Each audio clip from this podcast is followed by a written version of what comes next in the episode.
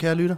Velkommen til Vanvittig Verdenshistorie, din yndlingspodcast, hvis, øh, hvis du heller ikke har nogen venner. Okay, hård kost herfra. Der inter- interesserer sig for historie. Ja, ja, altså du ikke har nogen, fordi du, fordi du interesserer dig for historie. Men vi er dine venner nu. Og øh, Vi vil altid gerne være dine venner. det vil vi super gerne. Men mindre ja, du er træls. Ja, okay. Men altså, vi holder sammen. Ja. Hvilket er sygt nok. Så dig, Charlotte, du skal fucking ikke. Okay. Du lægger dig ud, jeg kan godt lide, at du lægger dig ud med altid med navnespecifikke lyttere. Det kan, det kan nogen godt lide. Jeg er din ene vært, jeg hedder Alexander Janku, a.k.a. Hodja fra Lundhede. Mm. Og du er... Charlotte hedder en Peter Løde. Ja, okay. Og med alias og alt muligt. Fantastisk. Nu skal vi til det. Og nu skal vi til det. Jeg har noget øl med. Du har øl med, ja. Fordi jeg har dummet mig, Peter.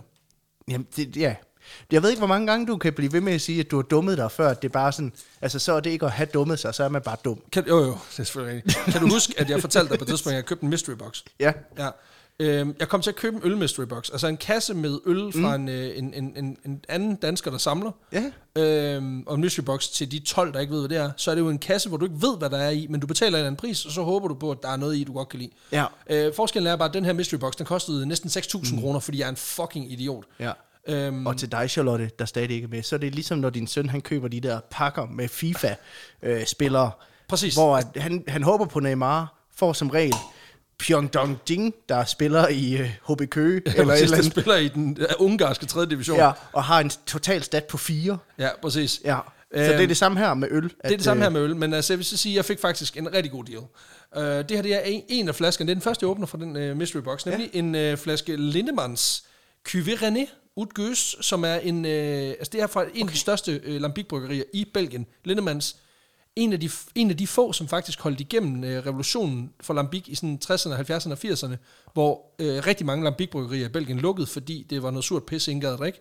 Okay, jeg vil sige, at Lambic-revolutionen lyder mere voldeligt, end jeg er sikker på, det har været. Ja, det har altså, det ikke været. Altså, det har været nogle, øh, det har været nogle, øh, nogle, nogle bundske typer i, øh, i Senne-dalen i øh, Belgien, som kæmpede rigtig meget med at få solgt deres produkt, fordi folk synes, det smagte af, Okay. af, ja, altså af eddike, og det var noget surt fis. Øh, De fordi, bedste revolutioner starter med bundefolk i nogle dale, ikke? Lige præcis. Ej, men det er faktisk, det er Grevens Fejde, bare i øh, 70'erne. Bare på flasken. Jamen, det, det, det er simpelthen sådan, altså historien går noget på, at efter øh, 2. verdenskrig, der kommer Coca-Cola for alvor til Europa, mm. øh, bragt med af amerikanerne. Belgierne får rigtig meget smag, smag for det søde, og så ryger den her især syrlige øl, altså simpelthen på, øh, den ryger ned på, øh, på bunden af ranglisten over ting, man gider at drikke, og så bliver det rigtig svært at sælge det her. Det er klart. Ja. Det, der så sker, det er, at Lindemans, som en af de, de få, de vælger at sige, okay, vi går kontra på det, vi prøver at lave noget mere sødt, så de begynder at søde deres lambik. Og det er faktisk formentlig det, der har reddet brandet, øh, at de ekspanderede voldsomt i, i det søde. Nå, fedt. Men det her, det er så en af de få, de holder tilbage, som er de originale, altså hvor man, så vidt jeg ved, gør det efter traditionel metode. Det her, det er så en special edition, en, øh, et special blend Ja. fra 2010, så den har altså 12 år på banen. Hold da kæft. Okay. Ja. Ja. Øh, det, det er ikke en super speciel øl. Jeg mener, man stadigvæk kan købe den. Den ligger de, Nej, omkring de der men den kan gå i 40 6. euro. klasse nu simpelthen. Det er ja, meget præcis. Ja, præcis. Den skal konfirmeres næste år. Ja. Så, øh, men fedt. 4. vi, klasse, hvis den ikke er så. præcis. Det her det er den eneste, man kan få lov til at undulere, selvom den kun er 12. Så det er jo... det var en sindssyg sætning. Og, og det er nok godt nok. ikke, ikke bare nok godt nok, det er fucking godt nok. Men øh, skål. Skål. Hold op. Det er funk. Det er ikke bare swinging, det er jazz og det er boogie. Det er funk. Nej, det er funk. Det er en funky smager, 12 år. det smager, det smager super funky, det her. Altså, det, det har noget hest. Jeg synes fandme, det smager noget godt. dækken. Jamen, det smager pissegodt. Øhm, og for, for, hvad kan man sige, et, et, et 12-årigt øh, produkt, der synes jeg faktisk, det er, altså det holder sig. Det Mm. holder sig godt.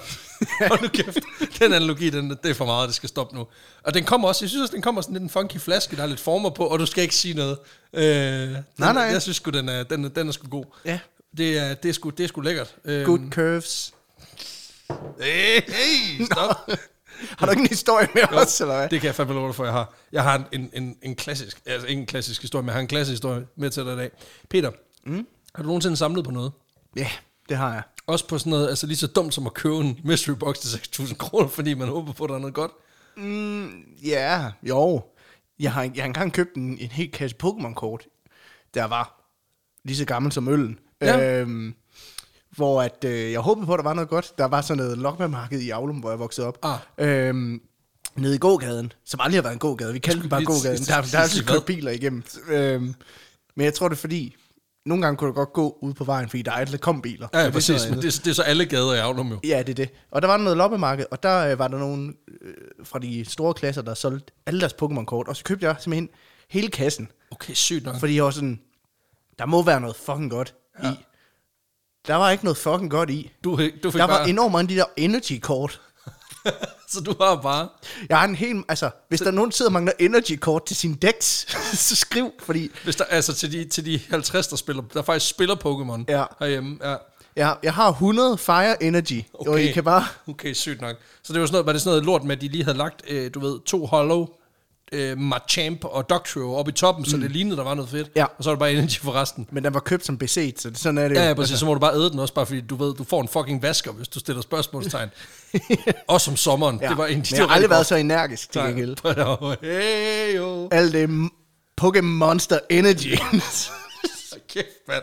Okay, så er stilen ligesom lagt, mine damer og herrer. Det er fantastisk. Nej, men det, det er fordi, vi skal snakke om, sam, øh, altså, om en samling i dag. Ja, og det- om ja. en samler, ja, simpelthen. det, ja det, det kunne jeg næsten tænke mig til. Ja. Præcis. Det, nej, det skal handle om noget helt andet. øhm, vi- vi skal snakke om, det ved jeg ikke, blomster i 1500-tallet. Nej, det skal vi ikke. Vi skal, vi skal snakke om samler i dag. Øhm, en kunstsamler of sorts. Fordi vi skal til Japan. Mm. Vi skal øh, til slutningen af 1800-tallet, hvor Fukushi Masaichi, han bliver øh, født i Yamaguchi-præfekturet i 1878. ja, okay. Allerede ret tidligt i hans liv, der finder han ud af, at øh, han vil øh, forfølge en karriere inden for medicinens verden. Det er noget lige for ham. Mm-hmm. Og det betyder, at han øh, allerede som ung, omkring sådan 16-17-årig, rejser den lange vej fra sin hjemstavn i det sydligste Japan til hovedstaden Tokyo, for simpelthen at uddanne sig inden for lægefaget. Han klør på, og efter et kort studieophold i Tyskland, øh, er han i starten af 1900-tallet tilbage, færdiggør sin uddannelse, og er ligesom klar til at gå ud og, øh, og, og have sin, sin lægegærning, kan man sige. Mm-hmm. Han vælger dog det praktiske element, det vælger han fra, for i stedet at gå forskningsvejen, og beslutter sig for at kaste sin kærlighed over og prøve at forstå en sygdom, som på det her tidspunkt desværre er blevet et, øh, et verdensomspændende problem. Nemlig det, vi kalder for syfilis. Åh, oh, ja. Ja, og det er sådan lidt mærkeligt at at han kaster sin kærlighed på syfilisen. Mm. Øh, men øh, man kan sige, at det er en, en, en, en, om, en verdensomspændende problemstilling på det her tidspunkt, så der er relativt meget at kigge på, Ja. kan man sige. Det kan også være, at han er drevet af had. Det behøver ikke være en kærlighed. Altså, det kan Ja, være, det er, virkelig, han, han virkelig hader syfilis. Ja, det er selvfølgelig rigtigt. Det er, jeg tror måske mere, det er det, vi er ude i. Eller Ja, så er han bare altså, medically curious. Man kan sige, at hvis du, øhm, hvis du prøver at udrydde noget, så er det som regel ikke fordi, at du har den kæmpe kærlighed til det. Nej, det, Nu ved jeg ikke, om hans plan var at udrydde. Det kan også være at lave det til et supervåben. Hvem Ja, ved? det, det, er selvfølgelig også at det er den helt fucked up. Hvis, der, hvis, hvis, altså, hvis jeg ikke kan få det, så skal ingen andre have det. det kan selvfølgelig også være, det Jeg vil have alt syfilisen for mig selv. Ja, præcis. Nej, men øh, syfilis, og jeg tænker bare lige, vi tager den, fordi det er også, mm. øh, det, var, det var også noget, jeg ikke selv var, be- som var særlig bevidst om. Du bliver bims, er det jo. Ja, det gør du også, ja. Det er en, øh, en sindssygt barsk sygdom, som primært kommer fra en øh, bakterie, som så bliver overført mm. øh, igennem, primært igennem sex, egentlig. Gennem forskning. Ja. Ja, præcis. Ja, men det, det, er, det er gruppeforskning. Peer review. Ja, det er peer review, det skal ud i. Og den har været et massivt problem allerede siden omkring øh, slutningen af 1400-tallet. Der er nemlig meget, der tyder på, at øh, den her sygdom, den primært eksisterede og hervede i Amerika, mm. før europæerne lige kigger forbi. Og så er der simpelthen nogen, der har en teori om, at sygdommen faktisk kommer til Europa med Christopher Columbus skibe, da han vender hjem i øh, 1493. Okay. Formentlig, er ikke formentlig, men, men der er nogen, der mener, at det måske endda er Columbus selv, Okay, så han har været over for fedtet rotten, og nu der er der folk, der bliver bims nu om dagen, fordi de får syfilis. Ja, man kan så sige... Well, well done. Ja, præcis. Well done. Men jeg kunne ikke lade være med at tænke, om det var sådan en massiv fuckfinger. Altså sådan upfront for alt det lort, som europæerne de udsætter, hvad man siger, altså de indfødte befolkninger på i primært Sydamerika og Latinamerika over de kommende århundreder. Det sådan, ved du altså ja, ja, du får guld og spices med hjem, men du får altså også noget andet, kammerat. Um, og det, men det vil også forklare, hvorfor Spanien de ligesom kommer så aggressivt tilbage, og ligesom siger, så, okay, fuck det lort, nu tager vi den. Fordi de ligesom har fået, altså de har fået psykoser det lort, ikke? Så det var bare sådan, fint nok, men vi skal have guld, guld, vi skal have alt guldet, mand! det er helt manisk, ikke? um, det kan selvfølgelig godt være, det er det, der gjorde det. Fra, fra Spanien, der, der spreder det sig massivt, og igennem historien har vi jo så også flere eksempler på, sjovt nok, især store ledere, som mener sig har haft det, mm. uden at man dog kan bevise noget sådan rigtigt. Øh, blandt andet så mener man, at Ivan den Grusomme, Hernán Cortés, altså, den, mm. altså asshole above all assholes, øhm, skulle have haft det. Hitler, Mussolini også, mm. mindes at have haft det. Og så selvfølgelig også Al Capone, som faktisk bevisligt havde haft det, fordi han, han døde simpelthen af det. Okay, Øhm, så du siger, okay, Al Capone, Ja. Den største gangster nogensinde. Ja. Han dør Ja. og er vanvittig, måske. Ja. Fordi at Christopher Columbus har været på sexferie i Amerika. Ja. Det er, lad, lad os, lad, ja, ja, og det er sådan en full circle, det er sådan en cirkulær økonomi, fordi han er jo amerikaner, Ja, ja. så, og, men, men oprindelig italiener, så han har jo fået det, fordi der er en eller anden Han spanier, har faktisk taget det med hjem. der er en, der har, det er fordi, der er en eller anden, der har kakket med Columbus, efter han kom hjem, som så lige har delt lidt, hånd, altså lidt, lidt, lidt fuckmad ud rundt omkring, Ja. og så er Så langt ude, der er Christopher Columbus og Al Capone hulfædre. Det, det, ja, i en eller anden syg verden. Lad os, da- ja, ja, ja, ja, ved du hvad, lad os gå med den. Det er verdens klamste hjem ud hjem fortælling, det her. Ja, det er det faktisk. Ja, ind ud, ind ud, ind ud, ind ud. Ikke? Præcis. Øhm, men det er da ligesom et fællestræk for dem, som man ligesom Mm. i historien kigger på og siger, de har sgu haft det. Det er sådan relativt sure mennesker. Ja. Der, øh, altså, jeg tænker også bare, sikkert, sikkert er crowd. Altså, i den grusomme her, Cortez, Hitler og Mussolini, bare okay, Ja. Kæft nogle bord her, du sidder med der. Altså, der, der er akavet stille på den hårde måde. Altså, du, der, der, man skal ikke pisse nogen af. Altså, hvis der er en, der får undertilberedt steg, så ved du godt, den, det, altså Hitler skal jo ikke have noget, kan man sige, men altså de andre, Altså, den årlige øh, messe for syfilis øh, ramte, den, den må gå helt amok. Ja, det tror jeg, Den eddermame. årlige julefrokost, det, Lige det tænker præcis. Ja. Fra 1500-tallet og frem, der rykker den her sygdom videre på sådan, den der world tour, den er på, og den har stor succes. Altså, det er Michael Learns to Rock. Altså, den, den kører altså bare på Okay, fuld er den også stor i Asien, eller ja, det, og det er nemlig også lidt det, den er. præcis. Øh, præcis. Også fordi det ikke rigtig lykkes at finde sådan en rigtig sådan, solid kur imod det i de kommende sådan, øh, hundredvis af år, faktisk.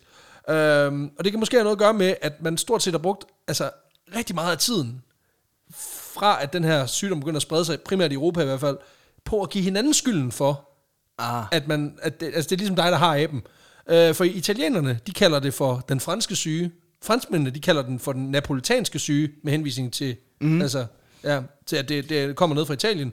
Russerne kalder den for den polske syge, mens polakkerne kalder den for den tyske syge, Ah. and so forth. Så det er bare Men sådan hvad lidt... kalder, kalder Donald Trump det? Det er sådan det Ja, hele. The huge sickness. ja, præcis. Um, I otte mand, jeg også tror, der er syfilis. Ja, det, det, det, det, og det er din egen hjembrygget teori, men jeg kan godt bakke den op, i hvert fald. Øh, alene på en måde, han, han ligesom bega, begår sig på. Øh, nej, men, men det er bare det der med, at man skubber den ligesom rundt, uden at der er nogen, der, der rigtig losser til den, og prøver ligesom at løse problemet. Mm, ja. Men det er også bare sådan, ja, det er jeres skyld, vi er vanvittige. Ej, det er dem, der er skyld, vi er vanvittige. Ej, det er, det er din skyld, vi er vanvittige. Men okay, kan vi blive enige om, at vi alle er fucking vanvittige her? Altså, der, der er nogen, der bliver nødt til at holde. Ja. op med at knippe. Og prøv at høre, vi er alle sammen enige om, det er afrikanernes skyld. Altså, Ja, præcis. Sådan, ja, ja, it's, it's those people. Men det er også bare sådan, det kan godt være, du kalder den for den franske syge, når du sidder nede i Italien. Jo, men, men du har stadig bollet med dem. ja, ja. Så der er jo stadigvæk opstået et eller andet, som så en relation, der er Ikke Al ødelagt. Capone. Præcis.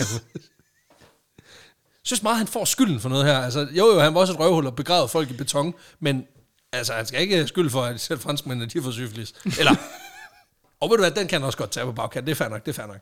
Øhm, men det betyder simpelthen, at, at, at man får lov til for fuld skrald at se, hvordan den her sygdom mm. den får lov at udvikle sig. Altså fra det første stadie, hvor man får sådan nogle åbne sår, som ikke rigtig vil hele sig, mm. og så helt ud i fjerde eller tertiære stadie, hvor, hvor der ligesom går elefantmanden i den. Altså hvor du simpelthen risikerer at blive altså, super deform at se på. Øh, krydret med selvfølgelig risiko for, at du bliver sindssyg, får psykoser, bliver manisk eller diverse, og så lige det der krømmel på toppen i form af, af krømmel på kroppen. Ah.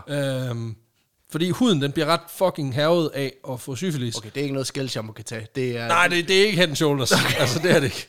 Så det, det, det, det er head and shoulders, toes, der skal til, fordi det er over det hele, ikke? Ja, præcis. Og det er nok mere sandpapir. Det er sådan en korn 80. Altså, det, det, det ser ikke godt ud. Det, det er ikke fedt. Og jeg griner ikke af folk, hvis der sidder to syfilis ramte øh, lytter derude. Det er ikke jeg, jeg griner af. Nej. Det, det er skrækkeligt. Det ser sindssygt mm. ud. Det ser vildt ubehageligt ud, men det er bare for at sige, det sker også. Og grunden til, at jeg nævner det her med, at man bliver smadret øh, på kroppen af syfilis, det er vigtigt. Det bliver vigtigt lige om lidt. Øhm, og nu springer vi ligesom frem til, til, ja. til 1907, hvor, hvor Fukushi her, han er færdig. Og det bliver ligesom syfilisen, der får hans interesse. Måske fordi man kan sige, der er ikke fundet en kur endnu. Den Nej. kommer først et par årtier senere. Og det betyder, at der er stadig rigtig meget at arbejde med. Med at prøve at forstå den her sygdom. Øh, og prøve at finde ud af, hvad fanden er det, der, der, der, der sker både mm. med selve sygdommen, men også de ting, den kan kaste af sig. Fordi Fukushi kaster sig over den, og får ret hurtigt indsnævet sit felt til at handle om de afledte sygdomme. Altså de infektionssygdomme, ja. man kan få, hvis man også har syfilis. Okay. Og øh, det er simpelthen i det her felt, han begynder at arbejde. Og det betyder også, at han i det her arbejde ret hurtigt kommer i kontakt med folk i Japans, hvad man siger, nedre samfundslag. Fordi syfilis er en, en sygdom, der rammer af en eller anden grund. Den rammer selvfølgelig bredt, men, men det er primært øh, i de lavere samfundslag. Mm. Han i hvert fald dealer med den. Og øh, der trives den også rigtig godt. Jeg ved ikke, om det er, fordi de ikke, ja, de boller bare. Det skal jeg ikke kunne sige. Men, øh, men der er i hvert fald, det er i hvert fald dem, han... han Altså, øh, jeg, jeg, jeg tror, man boller meget inden for samfundslag. Sådan har jeg det. Ja. Altså, så jeg tror, så snart den er dernede, den bevæger sig ikke rigtig opad. nej, Øh, den er ligesom låst fast i... i, i Ja, det er selvfølgelig de sociale klasser, der er. Det Ja. kan selvfølgelig godt være, og især i starten af 1900-tallet i Japan, hvor jeg kan forestille mig, at samfundsstrukturen er forholdsvis låst. Ja, det tænker lad, jeg. lad os sige det sådan, ikke? Øh, også bare, hvis der er endelig en, der, der virkelig scorer op af, så tror jeg ikke, han har syfilis. Øh, er bare min bedste bud. Men jeg ved det jeg. selvfølgelig ikke. Nu bliver det også bare hjemmebrygget teori, ikke? Men, øh, men det betyder, at han får en masse kontakt med de her folk, og han opdager faktisk i forbindelse med det her ved et tilfælde, at mange af de her skader, som folk kan få på huden i forbindelse med syfilis, mm. de optræder i mindre grad på folk, som har kroppen dækket af tatoveringer. What? Ja. Og det er, sådan, det, det er ret specielt. Altså det her med, at, at hvis du er blevet tatoveret, så jeg ved ikke, om det er, er... Jeg har virkelig prøvet at finde ud af det, men det er ikke, jeg har ikke kunne finde ud af, om det er hvad man siger, selve behandlingen, mm. eller om det er hvad man siger, det her blæk, der går ind og Nej. ændrer på lesionerne. Men han kan i hvert fald bare konstatere, at folk, der har syfilis og er tatoveret, de har markant færre lesioner. Okay. Og det synes han jo, øh, det er en sindssygt interessant observation. Men problemet er, at det åbner også bare altså fucking Pandoras æske for Fukushi her. Fordi han bliver dybt, dybt fascineret af de her folk, han støder på, som har de her tatoveringer. Og han vil bare gerne se mere. Mhm. Og det er lidt problematisk. Og det er simpelthen fordi, at både dengang, men faktisk mm. også i dag, så er tatoveringer ikke... Altså det er langt fra hverdagskost i det japanske samfund.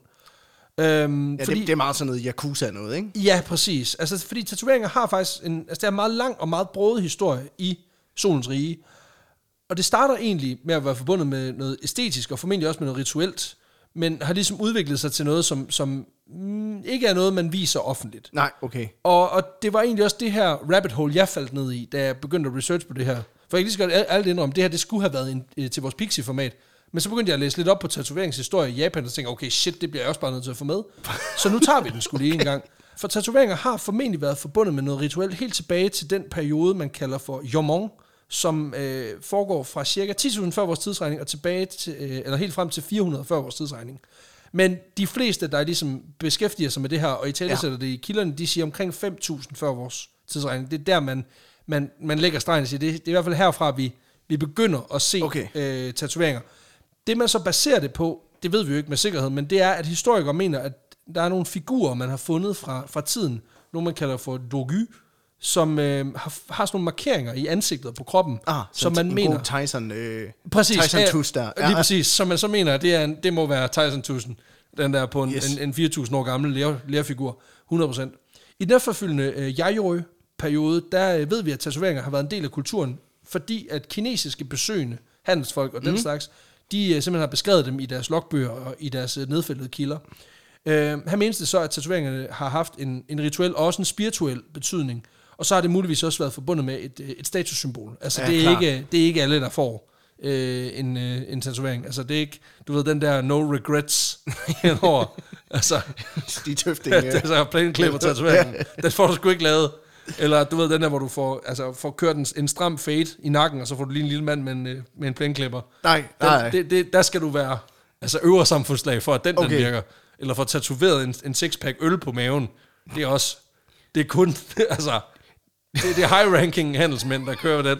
Det er 100. Jeg elsker, hvordan alle de eksempler på tatoveringer, du nævner, det er bare de mest trashy i hele verden. ja, præcis. og ikke adskiller sig sindssygt meget for dem, jeg har. Ej, hold da kæft, du har da en TIE Fighter og alt muligt. Nej, det har du ikke. Jo, Jo, jeg har TIE Fighter, ja, og- jo, og. Batman, Og, og- Batmans logo. og en eller anden fucking logo fra en eller anden lortepod- podcast. Ja, præcis. Folk, der spiller smart. Lige præcis. Øhm, der begynder så at ske nogle, nogle ændringer i de følgende århundreder, hvor tatoveringer mange steder begynder at blive set ned på, og også mere i højere og højere grad for, forekommer på folk, som ligesom mm. står uden for, for samfundsnormerne. Og det er formentlig også noget at sige, at man i flere perioder, blandt andet i det, der hedder øh, Kofun-perioden, og i senere i Edo-perioden, bruger tatoveringer til simpelthen at markere kriminelle. Øhm, Okay, og specifikt i, i Edo-perioden, som løber fra sådan noget 1603 til 1867 cirka, der, øh, der bliver de her tatoveringer simpelthen indført som sådan en form for alternativ til at udmønte en korporlig straf. okay. Altså, så du jeg håber meget, det er sådan en bjørnebandemaske, du får tatoveret på. Sådan en... Nej, nej, det er meget dummere end det. Okay. Altså, som i, som i markant dummere end det, faktisk. øhm, fordi i stedet for, at man simpelthen øh, får, får hakket en arm af, for eksempel, hvis man stjæler noget, mm. så får man simpelthen lige en streg på armen. Altså, så man ligesom får markeret, okay, Jimmy, Okay. du skal ikke stjæle chokolade ned i netto. Så nu tatoverer vi lige en streg her, så du lige kan huske på, hvor mange gange du har stjålet chokolade ned i netto. Okay, jeg har engang været på en sommerhustur, ikke? Hvor Ja. at, øh, vi skulle sætte en streg på os sammen for hver øl, vi havde drukket. Og så den, der havde drukket flest øl i løbet af den der sommerhustur, de vandt. Ja, Ja, hvad vandt man? øl. Mere øl. en mystery box. Så den- af Carlsberg øl. Så rester. Fedt. så rester. Ja. ja. Og det er også klart, at den, der har flest streger på armen, er jo den, der har mest behov for flere øl. Det er, Jamen, det er selvfølgelig- Ja, det er logikken. It makes sense. Øh, de her tatoveringer, de, øh, de varierer, fordi det er ikke sådan, at, at det ligesom er et standardiseret system på tværs af hele Japan. Så hver region har ligesom deres lille variation. Mm. Så nogle de kører med en, en streg på armen per, per tyveri, eller per voldshandling, eller per hvad man nu har lavet, man får. Ja. Og så er der andre, der kører et straight up, altså du får et kryds i panden, hvis du har lavet lort i den. Okay, Så ikke, ikke ham derovre i Nej, hvert fald. men, men sådan en, en halv manson. Ja, ja, ja, præcis. Du har Ja, ikke jo, du har ikke lige fået vingerne på endnu. Nej, nej. Ja, præcis. Du har bare fået krydset. Der bliver også brugt forskellige nedsættende tegn. Altså, hvor man simpelthen øh, tegner, eller laver et, et, et, et tegn, som man, mm. altså et skrifttegn. Ja, ja. Blandt andet så øh, bliver folk i Hiroshima, de bliver skamferet med øh, det tegn, der hedder Inu, som simpelthen betyder hund. Og så får de det så også lige... ja det, det Shiba Inu kender mange som den der Ja. ja. meme-hund, ikke? Ja, ja, præcis. Men så får du simpelthen altså Inu tatoveret lige face. Okay. øh, hvis du laver ballade. Men ikke med det samme, fordi øh, som jeg forstår det, der foregår det som sådan en fucked up version af Hangman, hvor Okay. du ligesom, du ved, du starter med at lave et eller andet, så får du en streg.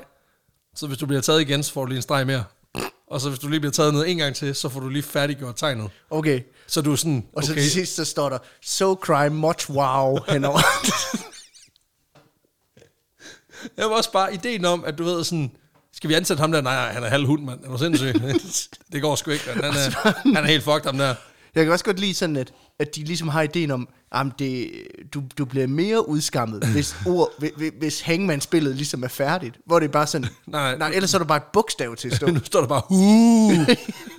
Og det er jo meget, en, det er jo, det er jo meget vores. Det, kan- det kan jo være hans navn, det kan man jo godt ja, ja, præcis. Hu, ja, det hedder Huhu. Uh, nej, ikke nu. Jeg er ikke, det, det er først, når jeg skjolder din punkt. Ja, satans. Det var åndssvagt, det der. Nej, men det er også bare sådan det der med, at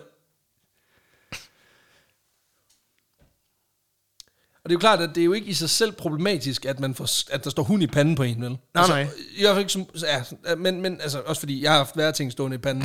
Ja. Hvis, der, altså, hvis man går koldt før 12 i Jylland, så kan du være sikker på, at Der står, der, der står ikke hund i panden, lad os jeg sige er det så så. glad, hvis der står hund, kan man sige. så kæft, man slap billigt.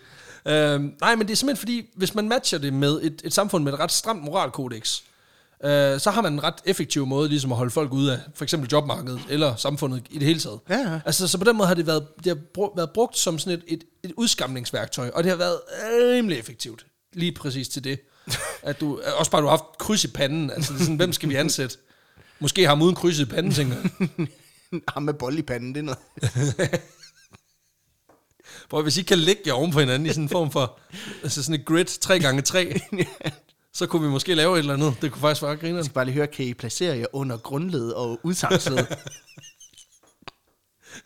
Så man godt blive skolelærer, siger du.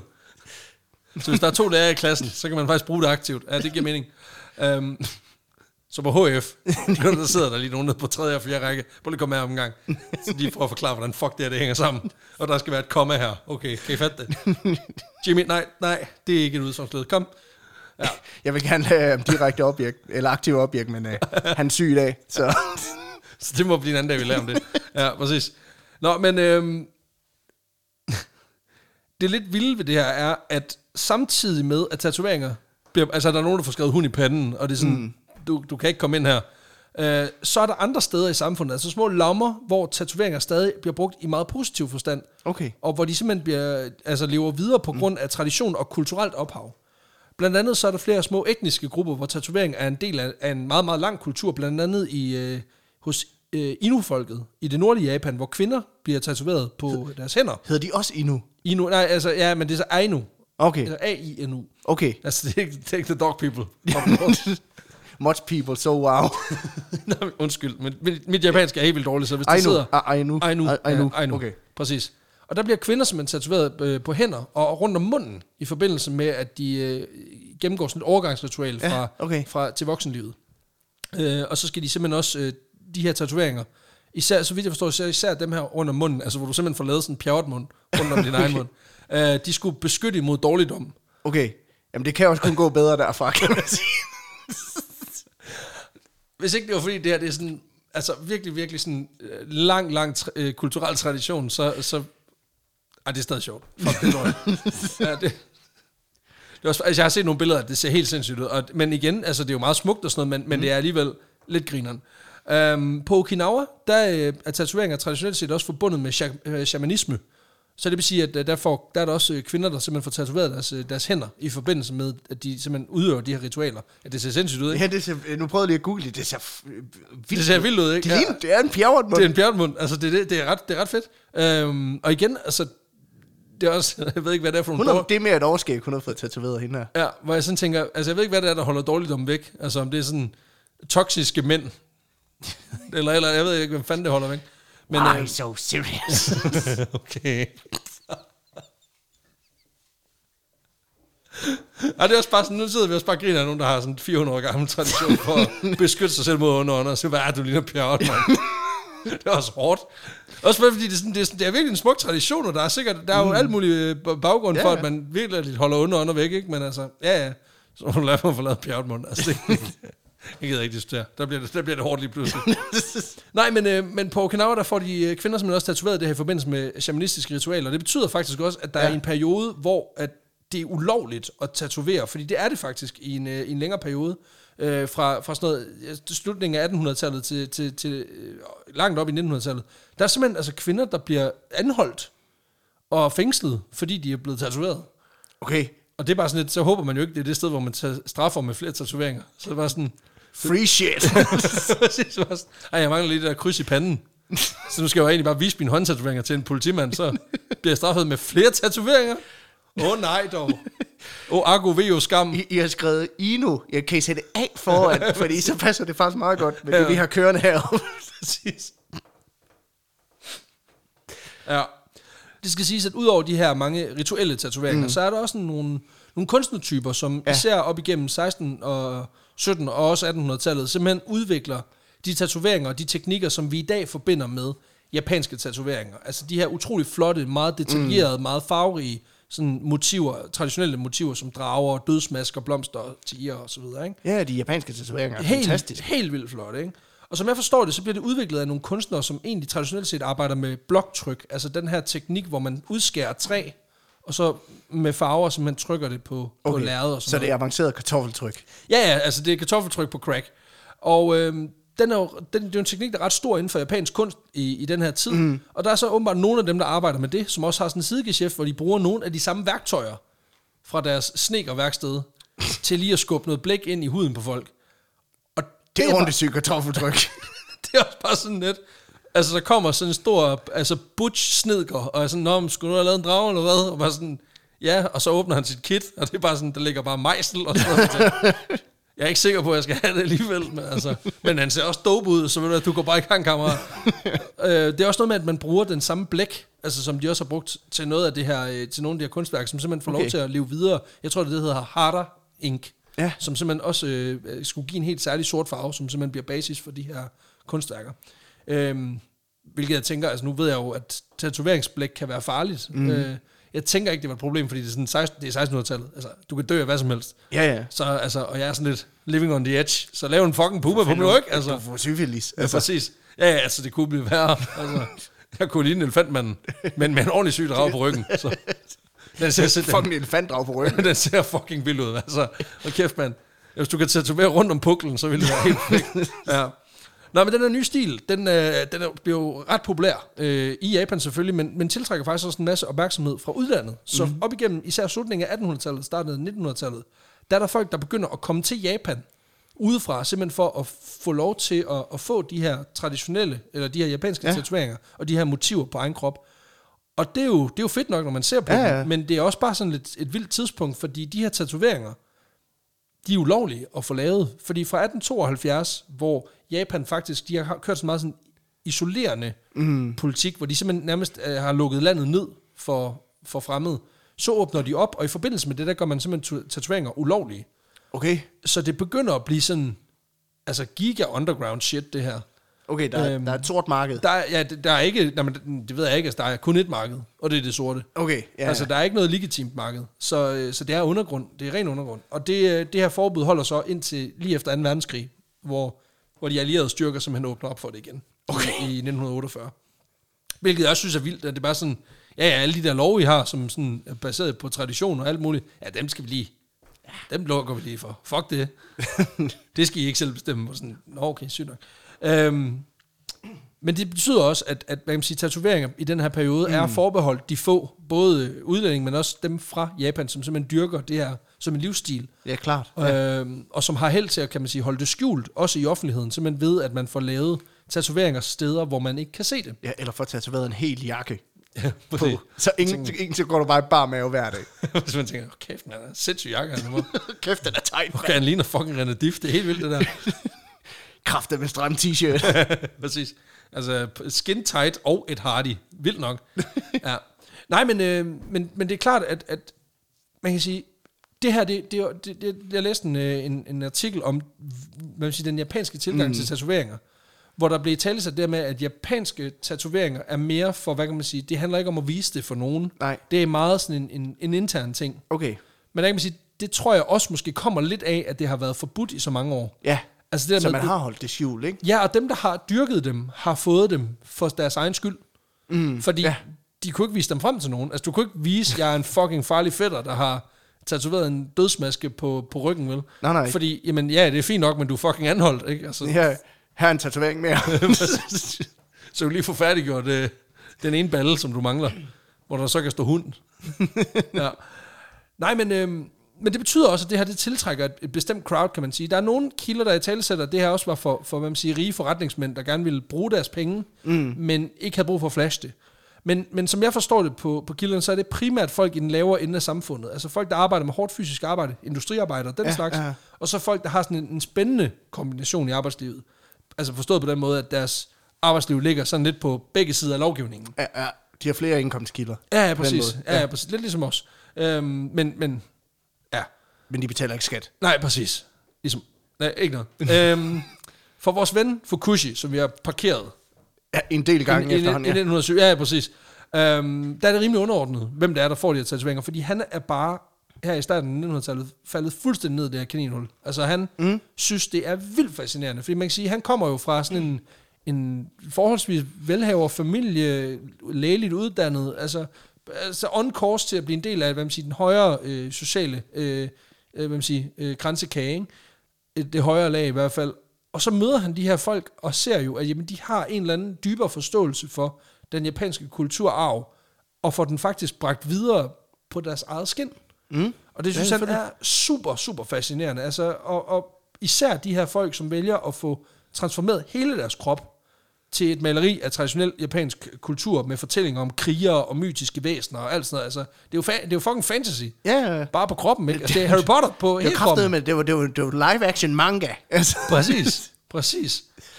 Og selvom de ikke er eliten, det er lige meget for ham. Altså nærmest tværtimod, det er fedt, fordi han arbejder på det her tidspunkt. Det er hele Dragon Ball-serien. jo. ja, præcis. Og du skal huske at læse den bagfra. Det er noget fucking råd.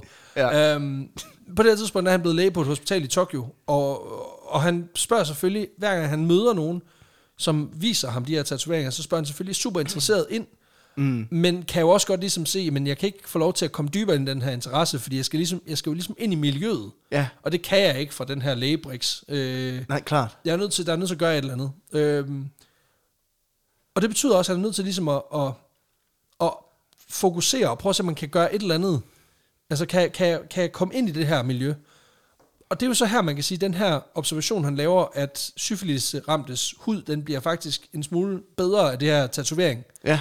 Det betyder, at han lige pludselig finder en lægelig vinkel, hvor han ligesom kan kombinere sin fascination med mm. sit arbejde. Og det er ikke bare, altså det, det skyldes ikke bare, at du ved, at han er sådan, okay, en syfilis ramt hud, der har fået tatoveret en smiley, er pænere end en almindelig syfilis, fordi smileyen er meget fed. Det har jeg ikke kunne finde ud af. Okay. Altså, det har været rigtig svært at finde noget, sådan, noget forskning, der ligesom understøtter hans teori. Okay. Så derfor har det været sådan, jamen, det kan også være, at det vidderligt bare ham, der finder en dårlig undskyldning. altså, det, det, så det hænger lidt i det uvisse, og det, det er også lidt en svaghed ved historien, det skal jeg ærligt indrømme, at, at, at jeg ikke har kunne finde et eller andet, hvor man siger, her er den her 200-siders bog, han har skrevet om Ja, ja. Altså, der er ikke et værk, i hvert fald ikke med de kilder, jeg har kunne finde. Men det er også bare en teori på det her tidspunkt, han har, ikke? Ja, ja, ja, præcis. Det er jo hans egen lille hjemmebrygget, ikke? Og på et tidspunkt, så man sige, det kan også være, at han, fordi i løbet af hans liv, der bliver der opfundet penicillinkur og sådan nogle ting, som kan holde det i skak. Og så man sige, så er det jo ikke så, så relevant, at han kommer rendende i 50'erne og sådan lidt. Prøv at høre, jeg har det. altså, hvis du bare får Brian Sandbergs hud, så er det bare, så har du ikke syfilis. Så, så er det løst. Og de siger, ja, ja, vi kan også bare give dem penicillin. Nå, ja, okay. Godt ord igen. Så du skal ikke ind i tre rockerklubber. Det er gotcha. Det er smart. Smart. Øhm, nej, men i, i, i 1907, der får han simpelthen mulighed for at indlemme den her interesse i sit professionelle virke, da han simpelthen begynder at fokusere mere på huden som et selvstændigt forskningsfelt. Ja. Øh, hvor tatoveringer så bliver en naturlig del af det, fordi han kæder det sammen med sine studier i forhold til at bruge det her tatoveringsblæk mm. til at reducere lesioner i forbindelse med syfilisudbrud.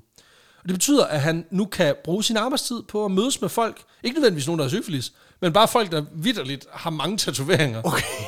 Øh, og så kommer den her fine, øh, habitklædte læge simpelthen og begynder at omgås, øh, hvad man siger, de her folk, som jo som dyrker det her, men også har et, et, et liv, der er mildest talt anderledes end, øh, end den kære for Kushis.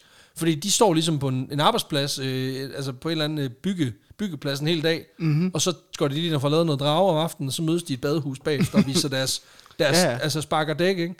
Øhm, og det betyder, at han, han også knytter nogle ret tætte bånd til de her folk, som jo allerede har en form for fællesskab på grund af deres interesse, også fordi det er ulovligt på det her Ja, tidspunkt, så, så de kan ikke rigtig vise det frem for andre, så de deler jo ligesom med, med ligesindet, kan man sige. Det er klart, ja. Øhm, Fukushi han begynder at deltage i de her sammenkomster, som, hvor folk de simpelthen mødes i øh, sådan nogle private badehuse rundt omkring i Tokyo, hvor de simpelthen møder op, og så, som jeg sagde før, de sparker simpelthen dæk. Altså de, mm. de viser simpelthen, De sammenligner. ja. de sammenligner, viser hvad de har, viser hvad de får arbejdet på lige for tiden, og sådan nogle ting, og får snakket om den her passion, de har. Og imens så står Fukushi lidt på sidelinjen, han observerer lidt, spørger en masse ind, du ved sådan noget small talk, ikke? Ja, ja, klart. Ja, men det er ikke helt nok. Nej. Fordi han har et, et større mål. Øhm, og der er, der er et spørgsmål, som han sådan rigtig går. og Jeg, jeg antager, han går med det i mausen. Øhm, Han har fået tatoveret det på mausen. nej, det har han nemlig ikke, fordi Fukushi har ikke selv nogen tatoveringer. Nej, okay. Men han Nå, vil, det, det, troede jeg. nej, nej, overhovedet ikke. Uh, han er clean as a baby. Um, uh, det håber jeg. Altså, jeg ved ikke, hvor mange, der får tatoveret baby. Men uh, lad lige være med det en gang. uh, det er jo også ulovligt. Uh, Guds lov. Nej, men, men, men han har i hvert fald et spørgsmål til mange af de her, som, som jeg antager, han lige skal arbejde nogle år på lige at få framet rigtigt. Fordi mm. han har ikke tatoveringer. Han vil vildt gerne have nogen. Bare ikke på sig selv. Og jeg skal aldrig indrømme, det her det er den del, der frustrerede mig allermest i min research, nemlig ja. at jeg ikke kunne finde ud af, hvordan han får åbnet den her snak. Fordi i kilderne, de i talesætter på ingen måde, hvordan... Det sker bare det her. Fordi på et tidspunkt efter 1907, Ja. ja. formentlig omkring starten af 1920'erne, der begynder Fukushi øh, Masaichi at samle på tatoveringer. Ja. Ved- Altså, hvad? Ja, ved at overtale de her voldtatoverede dudes til, om han ikke lige må, må hive dem af dem, når de ikke længere skal bruge deres jordiske hylster. Om man ikke lige må skralde dem. Ja. ja. Okay. Så han Så, går... så, så, så inden de bliver begravet, så kommer han med kartoffelskralderen, og så tager han lige den der delfin, de har på låret. Så han, han går Ramsey Bolton på deres barrøv, som om 6 minutter er mere bar, end den var før. Okay. Yes. Og der er jeg bare nødt til at sige, Det er kan- verdens klammeste glansbillede. det er det, og jeg kan, jeg kan overtale folk til ting. Mm. Jeg, jeg er ikke den bedste, altså jeg kender folk med mere karisma. Det her, Det gør jeg også. Tak. det her, det er above all levels.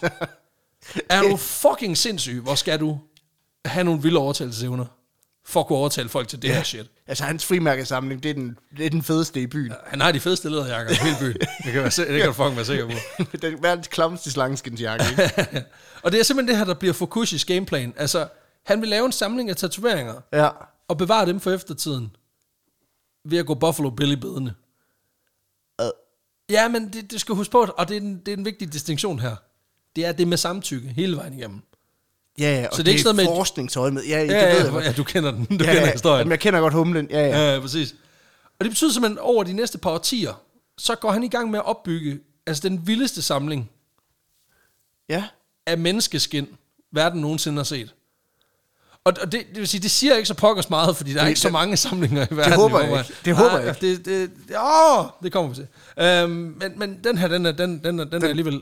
den er stor. Den er vild. Jamen også en ting er, at den er stor, men den, den er også det er en lidt vildere ting. End, Altså, det mål på kvadratmeter, eller på, på, på Ja, antal? det, det kan vi godt. Den kan vi også godt tage, okay. øh, hvis det er. øhm, og det, det vilde er jo, at han, han har ikke, det er ikke fordi, han har intention om, at han skal bruge dem på sig selv. Altså, han er jo ikke psykopat, vel? Han vil bare gerne udstille døde menneskers hud, fordi de er pæne. Ikke? Okay. Det ville også være vildt nok, hvis det fungerede på den der måde, at hvis de tog en, du skrællede den af en død mand, og så du, du ved, lagde en henover, og så puttede noget sådan duppet med en våd klud. Det må også så bare, havde du den lige to dage. der må jo være altså, et øjeblik i den her proces, hvor han har sådan, han har gået og observeret en eller anden tatovering i altså, årtier. Mm. Og så når han endelig får den, og man ikke sådan lige, altså han må lige have prøvet den på. Bare lige et øjeblik. Altså, og det, det, jeg siger, det, det er jo sygt, men, men jeg kan ikke lade være med at tænke, han må lige, Ja, ja. bare lige et øjeblik, ikke? Men det betyder simpelthen, altså, han beslutter sig for, at det her, det, det er det, han vil dedikere sit liv til. Det er at samle mm. på de her kunstværker Ja, ved at skralde folk. Og det giver sig selv, man kan ikke bare altså, tage fat i folk, der har en delfin på anklen, og så spørger man ikke, de må skinne dem, når de dør. Altså det her, krav fandme øh, skill, øh, skill 360 i skinning, du. det gør det, men det kræver også taktfuldhed Ja, det er klart. og omsorg. Og som min mor altid sagde, ikke? du skal kunne din gade, hvis du vil afhænde folk deres hud med knivblad. Ja, Altså, det har været, øh, altså jeg har lige været fået, fået, øh, altså jeg har haft lyst til at få det tatoveret, men jeg ved jo bare, at det bliver skrællet af en dag, når jeg, når jeg ikke er her længere. og sådan en, der får det indrammet. Og hængt det op over døren. Så det, det, det skal jeg have.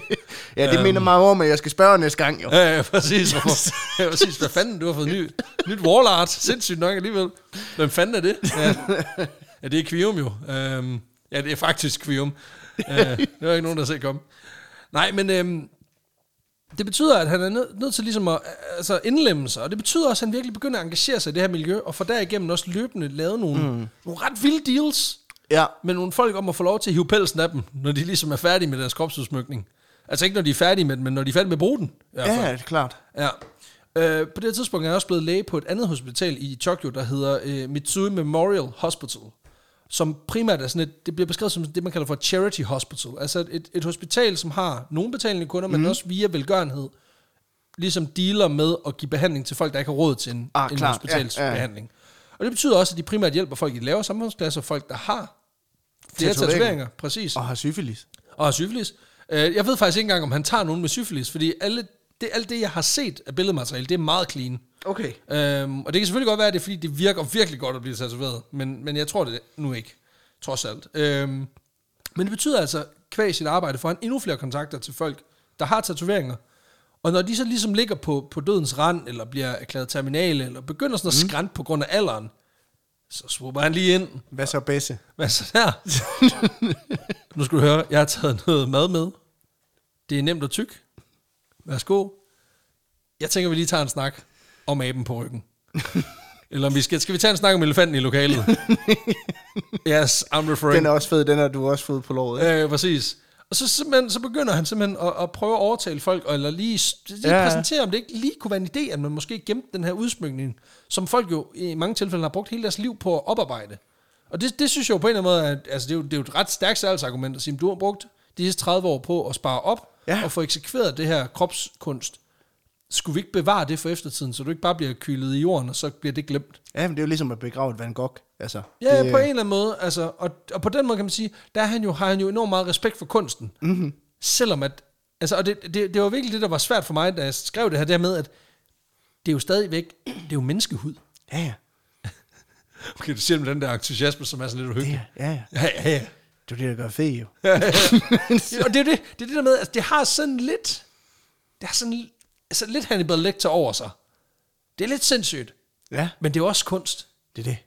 Det er livsstil. Det er fedt. Ja, det er fedt. Det er også pisklamt. Så længe han ikke går i dem, så... Øh, Ja, og det har jeg jo så ikke kunne finde ud af. Altså, jeg, jeg tror ikke, jeg, vil, jeg, igen, jeg har også en karakterbrist. Jeg vil ikke kunne dybe mig. Men det er jo ikke det samme som han. fuck me? I'd fuck me. I'd fuck me so hard. Jeg er glad for, at du ikke lavede din asiatiske øh, dialekt. Det havde været fucked up. nej, nej. Nej, Nej, det, det må man ikke. det må man nemlig ikke. Det gør vi ikke her Nej. i forretningen. Eller det må man faktisk godt sige, Pius. Ja, men Pyrus, Du må bare ikke lave det med flødeboller. Ja, præcis, så det har vi holdt op med. Vi laver bare sjov med folk, der har fået tatoveret pjerretmund, ikke? Altså det, så stopper den også der. Præcis. Det andet vil være super, altså uden takt. Det havde de jo faktisk også flødebollerne, kan man sige. Ja, det er simpelthen rigtigt. Jamen, det er det, jeg mener, og det er derfor, jeg siger, at samlingen stopper der. Det andet vil være sindssygt upassende. Som en fucking syg mand ville sige. Altså sådan en, du ved, der bare hiver huden af folk og sådan noget. Ja. Nej, men øhm, man kan sige, det betyder også, at når han ligesom får overtalt folk, mm. så øh, laver han deals. Jamen prøv at, når, ja. du, øh, når du ligesom har ordnet ud og sådan noget, så kigger jeg lige forbi. Så laver han lige en, en obduktion af afdøde. Ja. Og så tager han lige deres bodysuit af. Øhm, deres, birth, deres birthday suit. og så efterlader han dem simpelthen, og så øh, tager han huden med videre. Og øh, man kan jo ikke gemme hud bare sådan. Nå, kan man ikke det? Nej, det kan, det kan man ikke. Okay. Øh, den, den, den, der, der sidder også alt muligt snask på indersiden, og sådan noget, som man lige skal have pillet af. Nå, okay. Øh, og det betyder simpelthen, at øh, Fukushi, også fordi der er jo ikke rigtig nogen, der har skide meget sådan, altså der står ikke nedfældet skide meget. Jeg ved, der er lavet noget, øh, altså der, der er folk, der har simpelthen har excelleret i at indbinde bøger mm-hmm. i læder lavet af menneskehud. Ad, okay, sådan Ja, ja, ja. ja. Necronomicon-agtigt. Øh, Ja, altså der er blandt andet en, en, en bog, som er indehold, skulle angiveligt skulle indeholde alle retsdokumenterne fra en sag, fra et plot, der blev lavet imod den britiske trone på et tidspunkt, mm. hvor en del af straffen, den blev udmyndtet i, at huden, eller at, at, at indbindingen til den her bog, skal komme fra røven fra ham, der stod bag plottet. Seriøst? Ja, Så der er sådan en stjerne du midt får på. lige sådan en tillægsstraf. Der er sådan Der er, der er et hul i bogryggen. Hul lige stikken ind. Jeg har altså lige sat en blyantspidser i bogryggen. Det er smart. Det er sgu smart. Det får du brug for. Det bliver, den bliver du glad ved. Ja. Men det er sådan noget med, at... ja, jamen, der er faktisk lavet sådan en... Øh, der, jeg, jeg, jeg læste om, at der var lavet sådan en, en, en, øh, en stor indsamling, hvor man simpelthen har kigget på øh, offentlige biblioteker, hvor man simpelthen har fundet ud af, at der er 31 bøger på nogle af de største biblioteker i hele verden, som angiveligt skulle have lavet menneskehud. Og indtil videre, der har man så undersøgt øh, jeg tror 25 af dem eller sådan noget. Og der er de 19 af dem har vist, at det er faktisk menneskehud. Okay. Så og det, er, det er især sådan nogle altså fanger, der, hvor straffen, du har fået en tillægsstraf. Ja, ja. Altså, du bliver dømt øh, 6 år og 3 måneder, og så i øvrigt tillægsstraf. Og Du to af- bogbindinger. du skal afgive dine røvballer til det her projekt. Var sådan, okay, kan jeg få samfundstjeneste eller et eller andet? Altså, det virker lidt sygt. Okay, altså, den, den, den måde, den, den- her bog har en fucking nipple piercing. Altså, Jeg er ked at sige det. Den måde, anklageren kigger på mig på. Altså, det her, det handler ikke om retssikkerhed overhovedet. Det handler ikke om retsfølelse, det handler om, at han er en fucking kinky fætter, ham der. Han skal stoppe det lort af det nu. han står og mangler ringbind, jeg kan se det på. Han er ringbind. Yes, præcis. Så klipser du den lige. Ja, ja, jeg har set dig, dit syge svin. Hvad fuck laver du her? Hvordan du har fået en jurauddannelse? Hvad fanden er det her? Ja, ej, det, er- det, det er sindssygt nok, men, øh, men det er sådan en ting. Øh, det vil han ikke. Nej. Han vil bare gerne, øh, Okay. han vil bare gerne, du ved, altså, lave dem til kunst, ja. som man siger. Og øh, fordi man ikke bare uden videre kan, kan altså bare gemme det, så, øh, så må Fukushima, der er jo ikke nogen vejledning, så er Fukushima nødt, nødt til at gå i gang med det helt store gør det selv kursus, i hvordan man ligesom bevarer de her smukke tatoveringer. Fordi man kan sige, jo, han kunne jo godt gave dem, ligesom. Ja. man gaver læder. Problemet ved det er jo, at det ændrer farven helt vildt, og du ændrer strukturen på det. Så, ja. Ja. så, og det du gerne vil have, du vil gerne have det så naturtrudt som muligt. Altså du vil, er gerne, have, ja. du vil gerne have Carl Ekley. Altså du vil Ja. gerne have, den står helt stramt. Det er klart. Det er nærmest som om, han var her endnu. øhm, og bare tage sin jakke af, ja. præcis. Og det betyder, at, øh, at Fukushi, han kører to primære metoder, når der skal konserveres. Han kører øh, den våde og den tørre, Okay. kan man sige. Øh, begge metoder, de starter med, at man simpelthen lige lirker skinnet af i, øh, i så få stykker som muligt. Gerne et. Altså, hvor man simpelthen bare mm. tager den af som pyjamas. Sådan en one piece, du ved, hvor man ligesom bare ja. Åbner for, forfra ved lynlås, og så bare... Rup.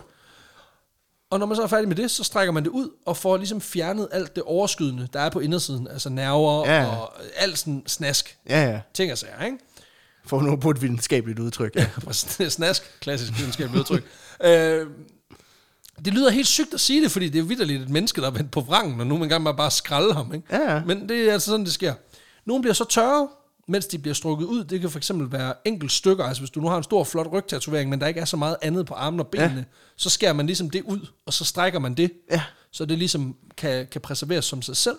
Og så er der så den våde metode, som er lidt mere omstændig, men også bliver prioriteret, hvis han kan få fat i nogle, nogle, nogle kunstværker, som er lidt mere helstøbte. Også fordi, at den metode, den øh, våde metode, som jeg forstår det, så bevarer den også fleksibiliteten i huden, hvilket gør, Okay. at man kan, man kan overtrække ting. Ah. Og det skal siges, det er så primært ting, der er også er, men, der er menneskelignende. Okay. Det andet vil være sindssygt. En hjort. den, det er den sygeste hjort. Derfor er der de her bukser. Tatoveringer.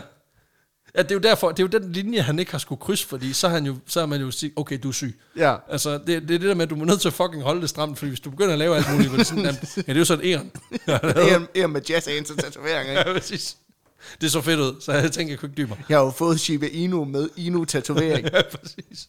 Og det må du ikke. Much meta, so wow. Jeg, Fukushi, du er nødt til at gå i fængsel. Det, det, det, går, det går ikke. Du er nødt til at stoppe dig nu.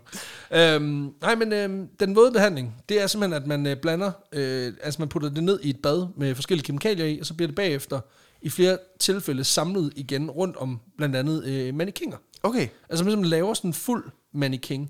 Og resultatet af de her mange behandlinger, han laver, hvad enten du, du pandekager dem op på, en, altså på et lærred, mm. eller du øh, putter det på en, en, en mannequin nede fra Ganni-butikken, Ja, øhm, så, så står du tilbage med en skønsom blanding af noget, noget rimelig sindssygt øh, boligindretning, Ja, ja. øh, som så får lov til God at komme, shui. ja, præcis, som får lov til at komme ind i hans samling, som jeg dog forstår det, øh, var på hospitalet. Okay. Fordi det, det må du ikke have derhjemme. Der er nogen, der kommer på besøg. Altså. Nej, men også bare dem, der gør. Hvad fanden er det der? Det er de sidste gæster, der var. okay. Det, det er sjovt, men du siger det i en tone, og med en, en øjne, et øjne, der er spillet så meget op, jeg er i tvivl. Så tak, men nej tak. øhm, og Dexter, jeg mener Fukushi her, han, han, altså, han kan sit håndværk. Mm. Fordi ifølge billederne fra dengang, så er det altså en mellemstor operation. Altså han har altså flere folk involveret. Okay. Der er nogle, altså sådan nogle helt fantastiske billeder, hvor han simpelthen er i gang med at arbejde. Der er blandt andet, altså det, det billede, der går igen allermest, det er vidderligt, hvor han står, og han ligner, altså hvis du lukker øjnene, forestiller dig, altså læge, japansk mm-hmm. læge i måske altså middelalderne, så er han præcis som du forestiller Okay, dig ham. ja. Og så står han vidderligt bare med, altså hvad der ligner en, jamen det ligner en t-shirt, med et, krop, med et tryk på af en dødsmaske, ja. og så står han bare og holder det op, og man kan se det bare, det er kropsformet. Ja, ja. Og så er der, der er et andet billede, hvor han står sammen med en 3-4 andre, som er i gang med bare at skralde. Altså, Øh. og der ligger bare sådan et stort bad, hvor der bare ligger, man kan se en 2-3 stykker, der ligger dernede. Okay, de der H&M sweatshops, de bliver værre og værre. Ja, præcis. Og det, det, ser sådan helt sygt ud, når man, sådan, altså, når man først ser det, så tænker man, det ser fascinerende ud, og så går det op for en, der er fire døde mennesker, der er blevet skrællet og ligger Ja. der. Det ser, det ser rimelig fucked up ud, det der. Øh, men de ser glade ud, mens de gør det, så, Ja. øh, så det, det er fedt. Øhm, fælles for de her pandekagede og mannequinget mm. huder, det er simpelthen, at de er sindssygt velbevaret. Altså, han kan virkelig sit, sit håndværk. Det er sindssygt flot. Øhm, og det er selvfølgelig ikke, hvad kan man sige... Altså, det, det, det, det er virkelig flot. Ja. Øhm, og det er god kunst, men det betyder jo også, at han begynder også at have standarder. Fordi man kan sige, i starten, der er han jo som alle samlere er, man skal bare have noget ind. Ja, ja. Man skal have noget inventory. Og så lige så stille, så begynder han at blive en mere kredsen samler. Jeg er håber ikke, fandme ikke, han går og bytter dem. nej, nej, det er, det er ikke sådan, at du kan få en mystery box. det vil være Hold kæft, det glimmer, mand. Præcis. Hold op, den, det er en 12-årig, sindssygt nok. Nej, det, det må hun ikke. Øhm, God former. øh, præcis, og kæft, det er god for mig. Præcis, så smager også lidt surt. Nå. Øhm, nej, men fordi han, han begynder jo ligesom, at det, er jo, ikke- det er jo ikke alt, det, du, hvad du får tilbudt, som du skal op og hænge. Nej, øhm, og det betyder også, at som rigtig samler, så begynder han at gå efter kvalitet og efter det unikke. Og det betyder, at når han scouter nye kandidater til sin samling, så går han primært efter det, man kalder bodysuits, altså fuldkropstatoveringer. Altså folk, der går med tatoveringer fra ankel til nakke, fra mm-hmm. altså håndled til håndled. Ikke? Ja. Øhm, og det er der ikke så pokkers mange af. Og det betyder også, at hvis man skal have dem, så skal man lægge øh, billet ind på dem tidligt. Og så skal man virkelig bruge tid på at kuratere og skabe noget tillid til de her det er folk. klart, ja. Og det er formentlig også det, der har gjort, at han engagerer sig enormt meget i det her community, hvor han simpelthen oparbejder et godt forhold til især nogle af de største inden for, hvad man siger, inden for branchen. altså dem, der er virkelig flot tatoveret.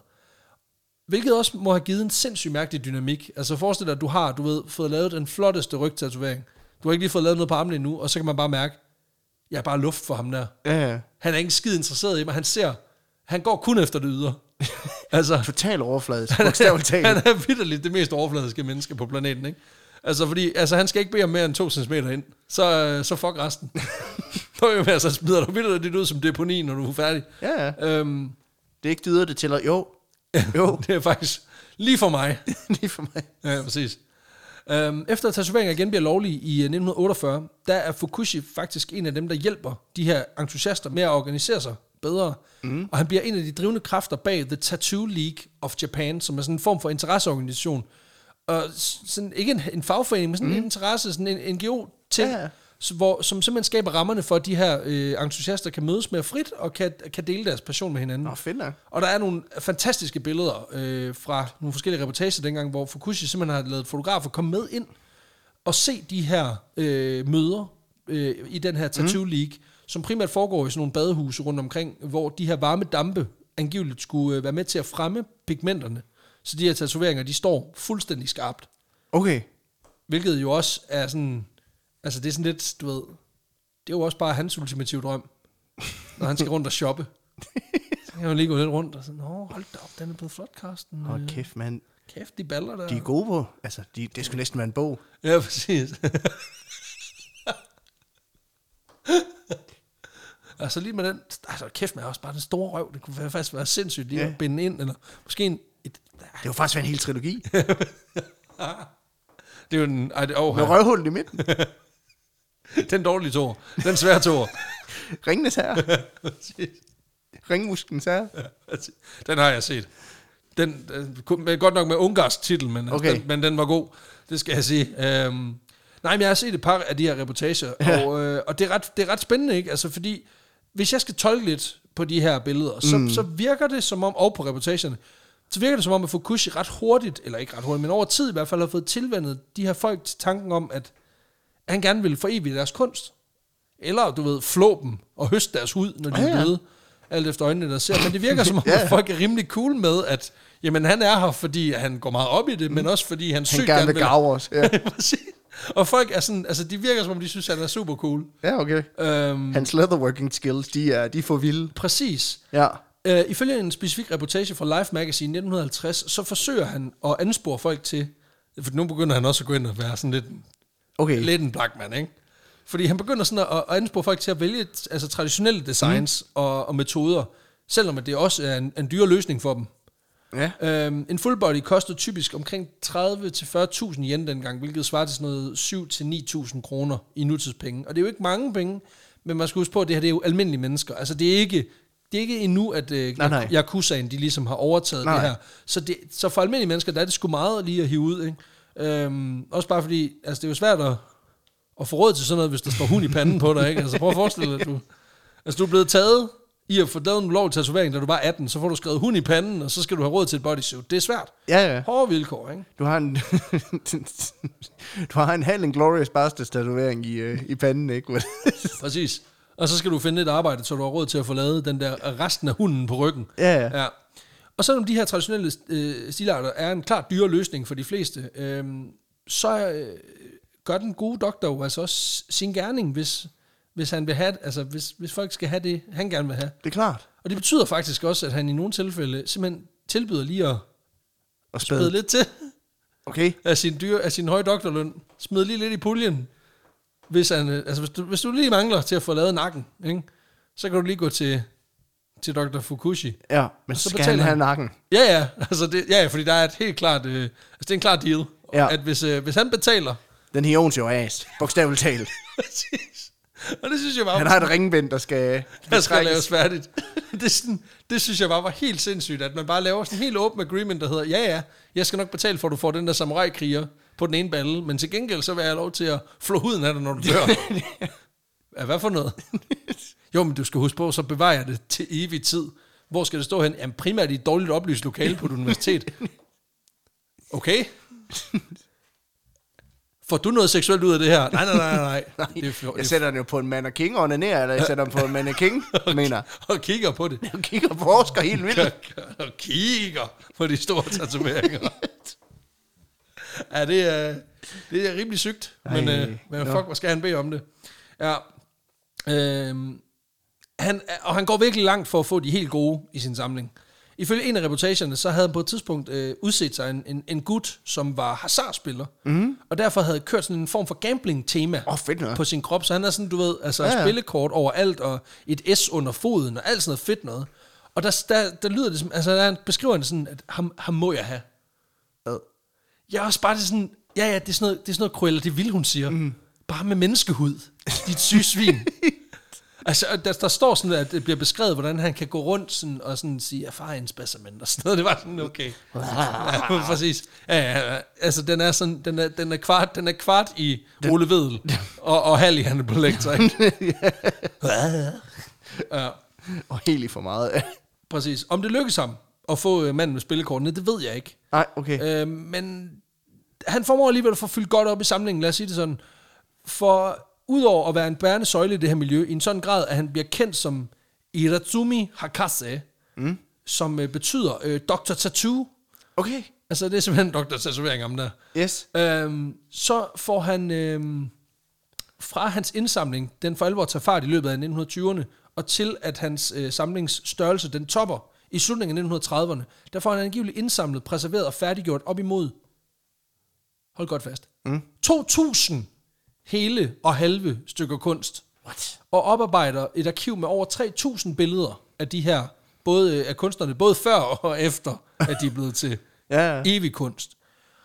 Øhm, det er ret meget hud. Det er ret meget hud. Altså, det er så meget hud, at selv store lille Claus, de er sådan lidt, okay, slap af, din fucking psykopat. Det... Altså, det er mange huder.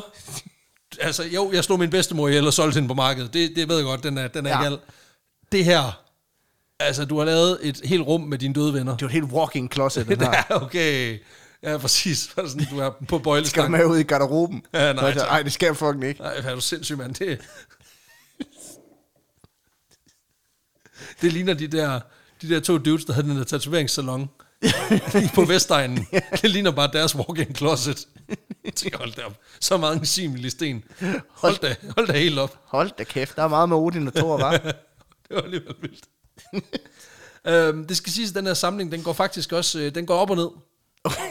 Og det er ikke, fordi han bytter dem væk. Øhm, Nej, okay, det er godt nok. Men det, og det er ikke fordi, at han heller er dårlig til sit arbejde, fordi han er virkelig god. Mm. Øh, men dels, der ryger der en del under øh, altså tæppebomningen i Japan under 2. verdenskrig. Okay, ja, det, okay, fair nok. Ja, og det vil sige, det er derfor, den topper sådan i slutningen af 30'erne, så får den lige et dyk. Ja, det er klart, ja. Ja, det sker. Øh, og så ryger der også et par stykker på sådan lidt mere kuriøs måde. Okay. Fordi den kære doktor, han åbenbart på et tidspunkt er sådan lidt, lidt sindig med sin bagage. Øhm, og det er fordi, der er en af kilderne, der beskriver en historie, hvor Fukushi, han øh, er et smut i USA, for at vise noget af sit, øh, sit, sit forskning frem. Mm. Han er i Chicago, i sådan en form for transit. Og så, øh, så mister han sgu sin kuffert. Nej. Jo, og den er fuld af døde mennesker. Altså, ja. en, en kuffert fuld af hud. Altså ikke den, Dengang hvor han... kunne du fandme få alt med igennem tollen. Altså, Præcis. Hold kæft, man, nu om dagen, så må man ikke engang tage en flaske vand med igennem security. Altså, Nej, præcis. dengang Dengang, tager det bare sådan, prøv lige at åbne din taske. Ja, det er, øh, hvad er det? Jamen, det er døde mennesker. Okay, jamen, det er fint. Du har ikke nogen våben, vel? Nej, jeg har kun kartoffelskralder. Okay, cool, cool nok. Undskyld, hvad er det der? Undskyld mig, men det er en 250 ml kvadorflaske. Den må du ikke Hvad have med. fanden er du terrorist, eller hvad? Er du syg i hovedet? Undskyld mig, men det, er det body lotion? Har du dine sko på? Kan du så få dem af? Undskyld, selvfølgelig har jeg body lotion med. Prøv at høre, jeg har otte mennesker i den kuffert. Jeg skulle nødt til at holde dem nogenlunde frisk. Hvad fanden regner du med? Du skal være glad for, at det var kun 250 ml. Han har været nødt til at dele dem ned i sådan nogle 50 ml, så man kan få dem med igennem. Så kan han sidde, så sidder han i transitten og sidder og smører den der ud. Ja, ja. Det- Det er ham, der sidder og kigger på, på hinanden over på sædet. Igennem i flyet sådan, oh, fine specimen. præcis. I want to add you to my collection. Præcis, det er sådan lidt sygt, ikke? Ja. Altså, det bliver man bare nødt til at sige. Øhm, også bare fordi, tænk på den stakkel, der har, fået, der har taget den kuffert. Han har troet, det var noget fedt, en iPad mm. eller et eller andet, han kunne sælge hurtigt. Så åbner han den. Okay. Der er muligt fedt i, måske det er lækker mad. Nej, det var det så ikke. Det er det overhovedet ikke. Præcis, bare sådan, prøv at forestille dig, det var den kuffert, Danny i jul fra Østerbro var kommet med hjem. Hold kæft, mand. Jeg skal have min røde kuffert. Ja, prøv at slappe af. Jeg har skaffet en fed kuffert. Du har fået 200 p- japanere, mand. Prøv at se, hvad der er i. Det er sgu ikke noget, du finder hver dag. Nej. Og skide på den der åndssvage røde mappe der, så kom nu lidt. Ja, det, er- det er sygt nok. Det er ikke alt, der går tabt, skal det siges, heldigvis. Okay. Op imod starten af 1950'erne, der har han ligesom... Altså, der har han stadig plads til, at han kan lave altså, flere udstillinger på forskellige hospitaler rundt omkring i Tokyo. Blandt andet på Imperial University i uh, Tokyo, der laver han i 1950 en udstilling, Ja. hvor han ligesom tager de 31 bedst preserverede full bodies, han har, Ja. og udstiller dem. Okay. Øhm, han fortsætter med at samle den her, og, og samle på sin passion og studere de her tatoveringer fra det medicinske perspektiv. Og det gør han indtil 1956, hvor han, øh, hvor han dør. Mm. Og så overgiver han faktisk sit livsværk til sin søn, øh, Fukushi øh, Katsunari, som simpelthen viderefører mm. den her passion. Nej. Og fortsætter med at, hvad man siger, også at indkassere de aftaler, hans far ligesom har indgået. Fordi det er jo også et element af det her, det er, at ja. Han ligesom har lavet en eller anden deal med en eller anden fyr, og han så, han overlever Dr. Tattoo, og så banker sønnen på døren. Altså, nu skal du ikke huske, vi har, vi har en aftale jo. Øh, Ja, ja. Nå, men det kan være, at der er nogen, der, sådan, at, der måske er begyndt at få lidt kolde fødder og sådan noget, og så tænker jeg, okay, åh, den gode doktor, han er også gået videre til, til det næste astralplan, så kan det være, at jeg kan slippe. Han høster tatoveringer i himlen nu. Præcis. Og så en dag, så banker det på døren, så står der en, altså en, en 20 år yngre version af Dr. Tattoo, er sådan lidt, We had a deal. du skylder stadig to lændestykker, ikke? ja. Skyldes stadigvæk den pigtråd. Ja, præcis. Og jeg, jeg skal ikke sige, jeg ved ikke, hvordan det at man bare tropper op til begravelsen med en gurkakniv og bare går i gang. Altså, når det er godt, det er Den åbent. nummerplade er min, svin. Jeg er fandme glad for, det åben kasket, ellers så ville det her være markant mere besværligt. Jeg tager bare, hvad der er mit. Nej, men øh, i dag, der, der består øh, øh, samlingen, den findes stadig, den består lige over 100, jeg mener det er 105 stykker øh, kropskunst, primært øh, Okay. altså hele tatoveringer, som så enten er pandekade op på et, altså et lærred, mm. Eller øh, står på en mannequin. Og så øh, befinder den sig i dag på øh, det patologiske museum i Tokyo, sammen med tusindvis af sider med dels meget, meget udførlige noter Ja. og billeder. Okay. Øh, det skal siges, at den her øh, udstilling er ikke øh, tilgængelig for offentligheden. Altså, den er ikke åben. Nej, okay. Øh, men der er flere journalister og fotografer, blandt andet også en legendarisk tatoverer, der hedder Ed Hardy. Ham, der ligesom har Ja, ja. navn til Ed Hardy. Ed Hardy. Brandet, Don Ed Hardy hedder han. Han har fået lov til at se øh, udstillingen tilbage i midt-80'erne, og, og, og lavet som en reportage Fedt. til et øh, magasin øh, fra udstillingen. Um, så, så, så de har jo ligesom fået lov til at se den her udstilling, Det er klart, hvilket er ja. super fascinerende og fucking creepy, også bare fordi, altså som jeg, på de billeder, jeg har set, så står det vidderligt sådan rigtig hospitalsetting, altså sådan kliniske vægge ja. og nogle loftslamper, og så står der Og bare, så er der bare en mand spredt ud. så er der bare, nej, ikke med én mand, altså Nej, det er nej. jo altså 50 mennesker, Ja, ja, uden som, hoveder. som, et, som et koskins tæppe fra Ikea. Præcis, ja, ja. som bare ligger. Øhm, Jeg har jo, øh, jeg, jeg så en dokumentar om, jeg, jeg var meget glad for at se ting om flat earth også, ikke? Mm. Og der så jeg sådan en dokumentar, den anden dag på YouTube, hvor der er en flat earther, der seriøst siger, at, jamen prøv at høre, verden passer perfekt på et fladt landkort.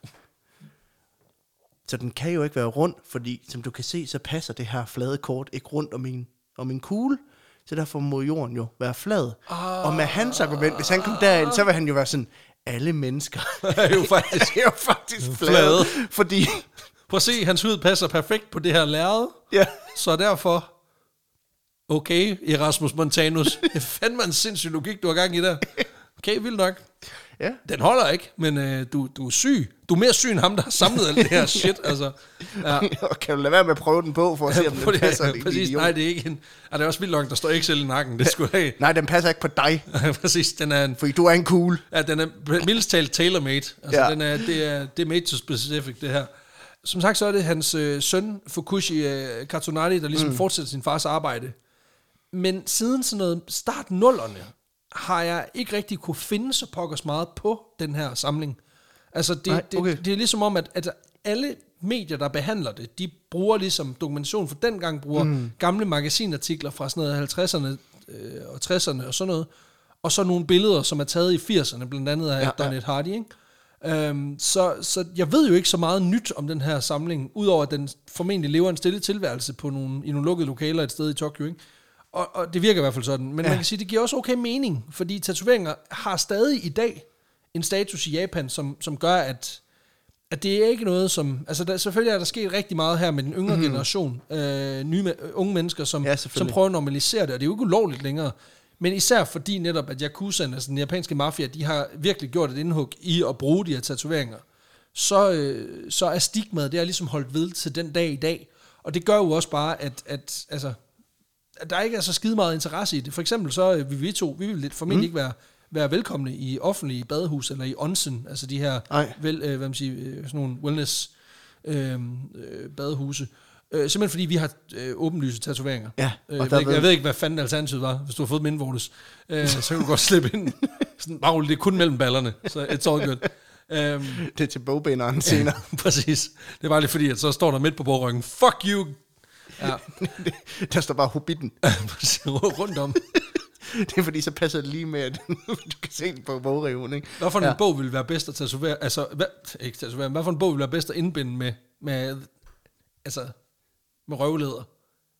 Jeg Øh, tænker Alice i Eventyrland. Den der nye Prince Harry-bog. Eller en bog om ham der, Martin Shkreli, ham der, der, der opkøbte et eller andet medicin, og så satte prisen op med et faktor 50. Ja. Altså, the original asshole cover. Jeg, jeg ved ikke, hvorfor, men jeg synes, at alle slevetøjerne også vil kunne noget. Altså, fordi det er sådan ligesom, hun skal ned igennem the rabbit hole. Ja, ja. Det kan også et eller andet sindssygt. Nej, men, øhm, men altså man kan sige, vi vil jo ikke være velkomne, og det er jo også, altså det siger også bare noget om, at, at, at stadig den dag i dag er det stigmatiseret. Jeg fandt faktisk en historie om, at, at borgmesteren i Osaka, Ja. så sent som i 2012, forsøgte at køre en kampagne, hvor man simpelthen ville forsøge at fyre offentligt ansatte, der havde tatoveringer. Okay. Fordi han simpelthen, og det er en udtalelse der, det underminerer borgernes tillid til byen. Jamen, det er klart. Øhm, Ja. ja. Og han gik så langt, at han faktisk fik lavet et spørgeskema, hvor folk i kommunen ligesom skulle svare på, om de havde tatoveringer. Og bagefter så gik han til folks ledere, for simpelthen at få dem til, enten at få dem fjernet, eller forsøge at få dem fyret.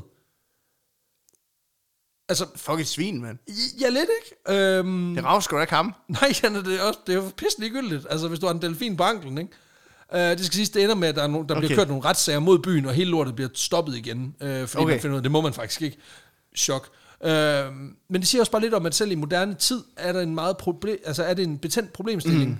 Og det forklarer måske også, hvorfor at der ikke lige er en offentlig institution som Universitetet i Tokyo, der ligesom tænker, jamen vi åbner skulle lige en, en udstilling med uh, tatoveringer, der er lavet på et tidspunkt, hvor tatoveringer var ulovlige Ja. øh, kom og kig. Altså, på den måde, så kan man sige, det er ikke... Øh, de har ikke den største interesse, så længe stigmaet er så stærkt, som det stadig er i den dag i dag. Øhm, selvom det sikkert vil give en masse, masse besøgende i det, der faktisk er en af de største samlinger i verden af menneskelig hud. Og der er igen en lille retorisk spidsvindighed. En af de største samlinger. Ja. Men øhm, det må være en cliffhanger til en anden gang. Ad. Fordi det er ikke den største samling. Øhm, men det kan være, det bliver til en anden historie. Okay. Men ja. det var simpelthen dagens historie. Så kan vi høre historien om McGain en anden gang. Ja. Ja, præcis. øhm, men det var simpelthen historien om uh, Fukushi uh, Masashi, Dr. Tattoo. Dr. Tattoo, og hans fantastiske samling. Og man kan sige, at som jeg sagde i starten, det var egentlig tænkt, at det bare skulle være en pixie, fordi jeg bare ville, gerne ville fokusere på ham. Men hele det her med syfilisen, det var fordi, jeg vidste ikke nok om syfilis, så jeg tænkte, det, det fandme også nu, for, nu tager vi fem minutter om syfilis. Uh, og så var der hele den her japanske tatoveringshistorie, som jeg bare, den siger enormt meget også om, at den her læge, der overhovedet ikke har et indblik i den her verden, får åbnet bare ind, et lille kikhul ind, og mm. bliver totalt fanget ind i det, men kan jo ikke rigtig tage det ind, fordi Down det er ulovligt, og ra- rabbit hole. Kom, Præcis. kom du. Ja, en, præcis. en, en, en tur rundt hele vejen ned i, øh, i kaninhullet. Og nogle gange så udvikler vores research jo også den, så den mm. vej, og det synes jeg bare også, der skulle være plads til. Det, det skal der helt klart også. Yes, men øhm, Vi skal hen på barometer. Tak for historien, jeg. Selv vil jeg tak. også lige sige. Selv tak. Øh, jeg ved ikke helt lige, hvad jeg skal synes om. Øh, jeg ved ikke, om, om han er held eller skurk, men jeg tror måske... Jeg tror faktisk ret godt, jeg kan lide ham. Det kan jeg jeg tror bare, jeg også. synes, han er lidt småklam. Jamen det, og det er det der med, at det ligger på den perfekte grænse imellem, at han er bimlende vanvittig mm. og lidt psykopatisk, men det er fordi, det hele tiden er, og jeg tror, jeg, jeg ved ikke hvorfor, det kan godt være, det er en racistisk ting, men det der med, at han er japaner, gør, at jeg tænker, det er sådan, det er sådan meget moralsk korrekt. Ja. Altså, han, man ved, han har gjort det ordentligt. Mm. Klinisk. Ja, ja. Måske også lidt uhyggeligt, men, men at det ikke har været sådan noget sygt noget, Ja, det er det. tror jeg. men, men, og det er usikkerheden, der også piger mig lidt. Det ja, ja, det kan jeg godt lide. Ja, men øh, vi skal ind på bagmeteret. Det skal vi. Vi har jo vores fem kriterier. Vi har vildskab, lol-faktor, indflydelse, uniqueness og extra spice. Og øh, Jamen altså, Peter, nu er det mig, der har haft historien med, så synes jeg, du skal ikke for. Hvad, hvor vild er historien? bum, bum, bum, bum, bum, bum, bum. Jamen, øh, vi har haft mange skøre forskere med, og jeg synes, at vi har måske haft forskere, der var skøre og vildere end ham. Altså, han har en undersøger noget besynderligt. Helt vildt. Øhm, Ja, det kommer jo egentlig også ret hurtigt i baggrunden, for det virker bare som om, det er et middel til at få lov til at snakke med folk, der Ja. har, har fået tatoveret en, en kriger på ryggen. Ja, og han er meget fascineret af det her, og, og det er også vildt at have den her store samling. Øhm, Præcis. Men jeg synes, vi har forskere, der, øh, der gør vildere ting. Ja, Øh, og sætter sig selv lidt mere på spil også. Øh, man kan sige, at han er bare ham, folk de snakker om i, i kantinen, ikke? Som, ja. som ham, med, ham med huden. Øhm, Uh, det, han, det han primært lever det med, det er det stigma, at han, Han er manden, der, der skinner folk. han er bogstaveligt til hudlæge, ikke? Ja. Øhm, Præcis. jeg vil godt give ham fem. Det er 100% fair. Jeg, øh, jeg tror, jeg vil give ham en, et sekstal. Mm. Et lille sekstal. Altså, fordi, men også fordi det er, en- det er en vild... Nej, syv, syv bliver det til for mig, fordi det er en vild samling. Ja. Altså, det er det sgu bare. Så det, det, det synes jeg er ret vildt. Øh, også fordi det er, den, det er den største af, af tatoveringer. Jeg ved, der er nogle andre, der har forsøgt sig med bitte små, altså øh, at bevare folks tatoveringer efter de er døde, men det her med, at man laver et helt kropssuit, mm. det, er, det er ret vildt. Hvor griner er historien? Jeg synes det er meget griner. Jeg kan godt lide det. Øhm, jeg, det er sådan lidt fordi, at der er også alt det her med, med syfilis indover og tatoveringer i Japan. Øhm, som jo egentlig ikke, som jo egentlig mere er, er baggrund end, end noget andet for historien, ikke? Men, Ja. men som på en eller anden måde også skal, skal spille med. Øhm, jeg vil godt give den, jeg vil godt give den 8. Ja, fair. Jeg synes også, den er ret sjov. Jeg, vil sige en, en syver, Ja. fordi der også bare er... Altså hele det der med, at man tatoverer kriminelle, skriver Ja. hund i panden på dem, Ja, lige præcis. det synes jeg skulle ret grineren. Jeg tror også, det er mest sådan, fordi at han skralder mest. Altså, Han skralder mennesker. han, han, han gør bare den her ting, men Ja. ja. det, han gør ikke så meget andet. Nej. Så det er også sådan... Ja, præcis. Ja, Og så har vi jo uh, uniqueness. Altså, ja. den er jo nødt til at bonge lidt ud, fordi ja, han jo netop han er, nu, han er jo unik. Ja, han er en Satan ret, ret unik fætter. Så, Øhm. så jeg vil sige, jeg er på noter på uniqueness. Ja, det, det kan jeg godt tilslutte mig. Ja. Så har vi indflydelse. Altså man kan sige, i og med, at hans samling i dag er privat, eller ikke privat, mm. men i hvert fald øh, lukket for offentligheden, og rigtig meget af det er, hvad kan man sige, holdt underground, ja. så har det jo ikke så meget. Det lyder heller ikke til, at, samlingen er blevet brugt til så meget. Altså, Nej, det er jo det. det er mere handlet om den antikvariske idé om at, om at bevare noget, mere end det handler om, hvad skal vi rent faktisk bruge det? Hvad har det af værdi? Præcis. Øhm, Altså man kan sige, jeg kunne godt forestille mig, at det har været med til at bibeholde, hvad kan man sige, øh, fordi, fordi han samler jo over en ret lang periode, ja. så det kan jo være, at det også har været med til, og det er bare spekulation, men det der med, at det har fået nogle, nogle tatovører til at bibeholde nogle stilistiske valg, fordi de kan se, hvordan det er lavet. ja, Altså fordi når folk dør, så dør deres tatoveringer typisk med dem, men ikke her. Så han har jo haft et arkiv over, hvordan man gjorde, mm. eller hvordan man har lagt linjerne på nogle ting. ja, selvfølgelig. Så det kan selvfølgelig også Ja, og så var han med til at grundlægge det her forbund for, for japanske Præcis. tatovører. Jeg tror på en tor. Ja, ja, Så Ja. det er fire. det er fire, ja. Og så extra spice. Altså jeg, for mig er det her, det er så bizart og makabert. Og alligevel med sådan en konstant streg over på den der, hvor det, det er lidt kedeligt. Fordi, mm. han gør, han, er, han, fordi han ikke er gal. Og fordi han er så, selv så øh, siger, tilbagetrukket i det. Ja. At jeg synes, det er, det er, en, det er en nier for mig. Altså det er ja. så mærkeligt. Jeg vil godt give ham 8. Ja, jeg synes, det er så mærkeligt, at det er nødt til at fylde. Ja, Men det var historien. ja. Og hvad får 64. vi? 64. Ja, så en, en sådan middelmådig på, øh, på barometer, men det er jo simpelthen også klart, når der ikke har alle de der ting, der bare springer ud. Men så, det er så- stadigvæk en fucking god historie. Jeg synes også, det er en god historie, og jeg kunne simpelthen ikke øh, dybe mig. Og så fik vi også syfilisens historie, det kan jeg også rigtig godt lide. Lige præcis. Så lige præcis. øh, hvis du står lige pludselig for en positiv syfilis-test, så kan du sende en god tanke tilbage til Christopher Columbus og tænke, det her, det fuckede du også op. Dit fucking møgsvin. men øh, ned og få dig et fucking øh, fod, altså et, et, øh, en bodysuit og chest piece og nogle, øh, Ja. nogle sleeves og sådan noget. Altså. Inden du, inden du går elefantmand. Ja, præcis. Ja, Det var alt for den omgang, kære lytter. Vi lyttes ved igen i næste uge, samme tid, samme sted. Yes. Endnu en vild historie. Det kan vi altid garantere. moin.